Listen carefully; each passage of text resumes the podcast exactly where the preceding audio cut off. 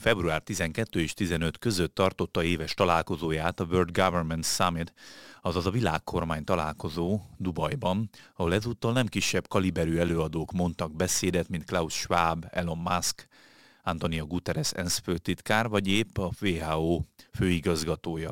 És miről másról is szólhatna egy ilyen fórum, mint az egységes világkormányzásról.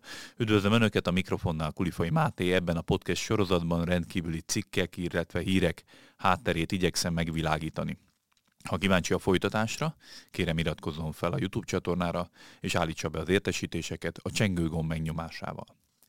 Az elmúlt napokban tartotta éves találkozóját a World Government Summit Dubai központú elit fórum, amely már a nevéből is kikövetkeztethetően főként a globális kormányzás és együttműködés témájában tart panelbeszélgetéseket. Némiképp vicces, hogy miközben több online platform egyenesen összeesküvés elméletnek minősíti a világkormányról szóló elméleteket, gyakorlatilag Dubajban a világ leggazdagabb és legbefolyásosabb emberei mindössze pár héttel a Davoszi Világgazdasági Fórum után itt éppen ezt a kérdést vitatják meg minden évben. Az idei találkozó egyik közvetítése éppen az új világrendről és világkormányról szólt, de a Youtube-on a Wikipédia egy tényellenőrzéssel megállapította, hogy ez bizony összeesküvés elmélet, miközben éppen élőben közvetítették az erről szóló beszélgetést. Az idei találkozó mottoja, idézem, a jövő kormányainak alakítása volt.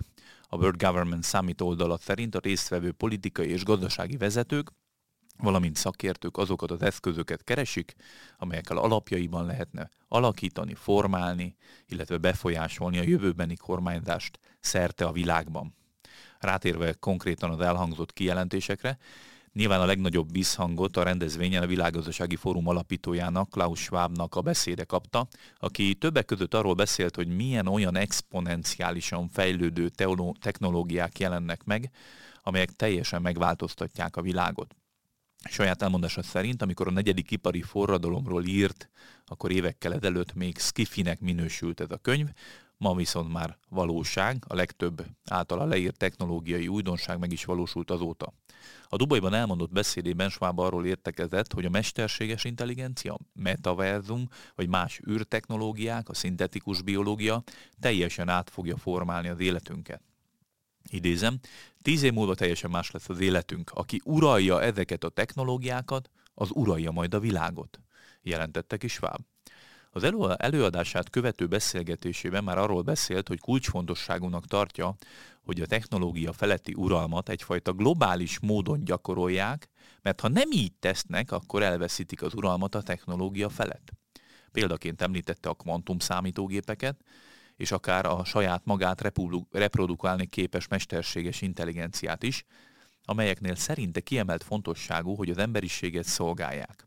A másik fő aggodalma az, hogy a digitális fejlődés olyan gyorsasággal megy majd végbe, hogy az egyének nem fogják tudni azt lekövetni, megfelelően értelmezni, ami meg félelmet ébreszt majd bennük, és negatívan viszonyulnak majd hozzá. Szerinte erre már lehet már most példákat látni néhány országban, ahol a közvélekedés meglehetősen polarizálódott ezzel kapcsolatban.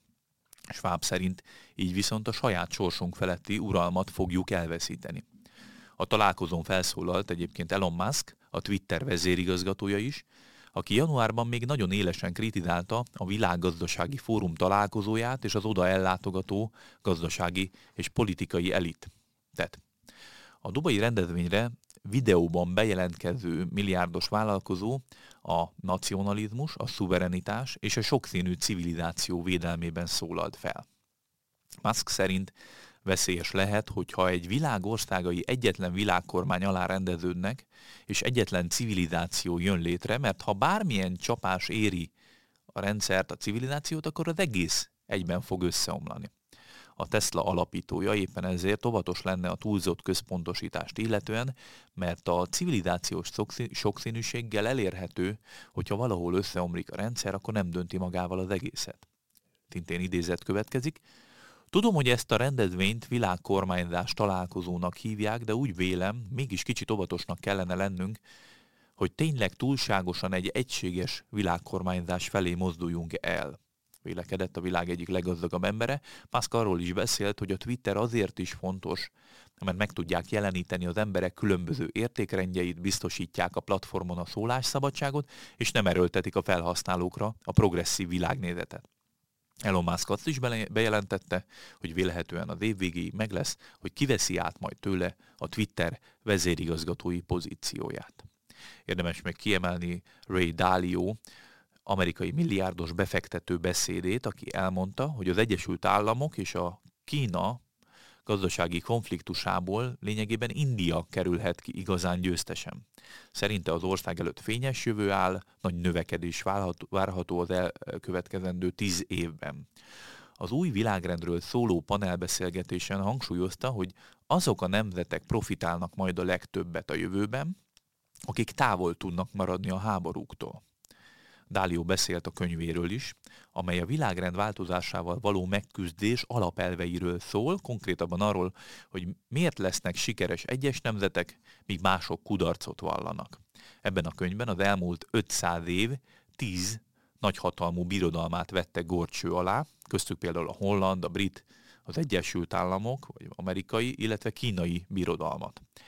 Ebben arra a következtetésre jutott, hogy a körforgás általában egy nagy konfliktussal kezdődik, amelyből valaki győztes hatalomként kerül ki, és megalapítja az új világrendet. Amíg nem állítja senki kihívás elé az új hatalmat, addig béke és jólét van, amelyhez lassan hozzászoknak az emberek. Majd a jólét és a béke egyszer csak pénzügyi buborékhoz vezet, ami előbb-utóbb kidurran. Saját élettörténetéből kiindulva úgy véli, hogy már nagyon megváltozott a világ, hiszen a második világháborút követő világban még sokkal kedvezőbb, kiegyenlítettebb volt az életszínvonal és a környezet.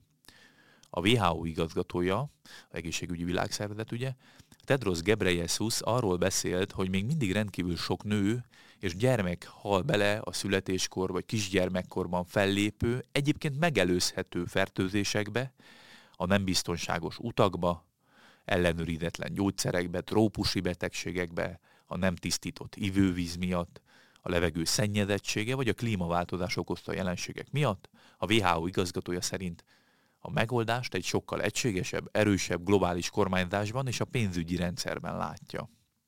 Jan Bremmer, az Eurasia Group alapító elnöke pedig arról értekezett, hogy a kialakuló válságok vetik el a nacionalizmus és a protekcionizmus magvait, amelyek később akadályát képezhetik a globalizációnak.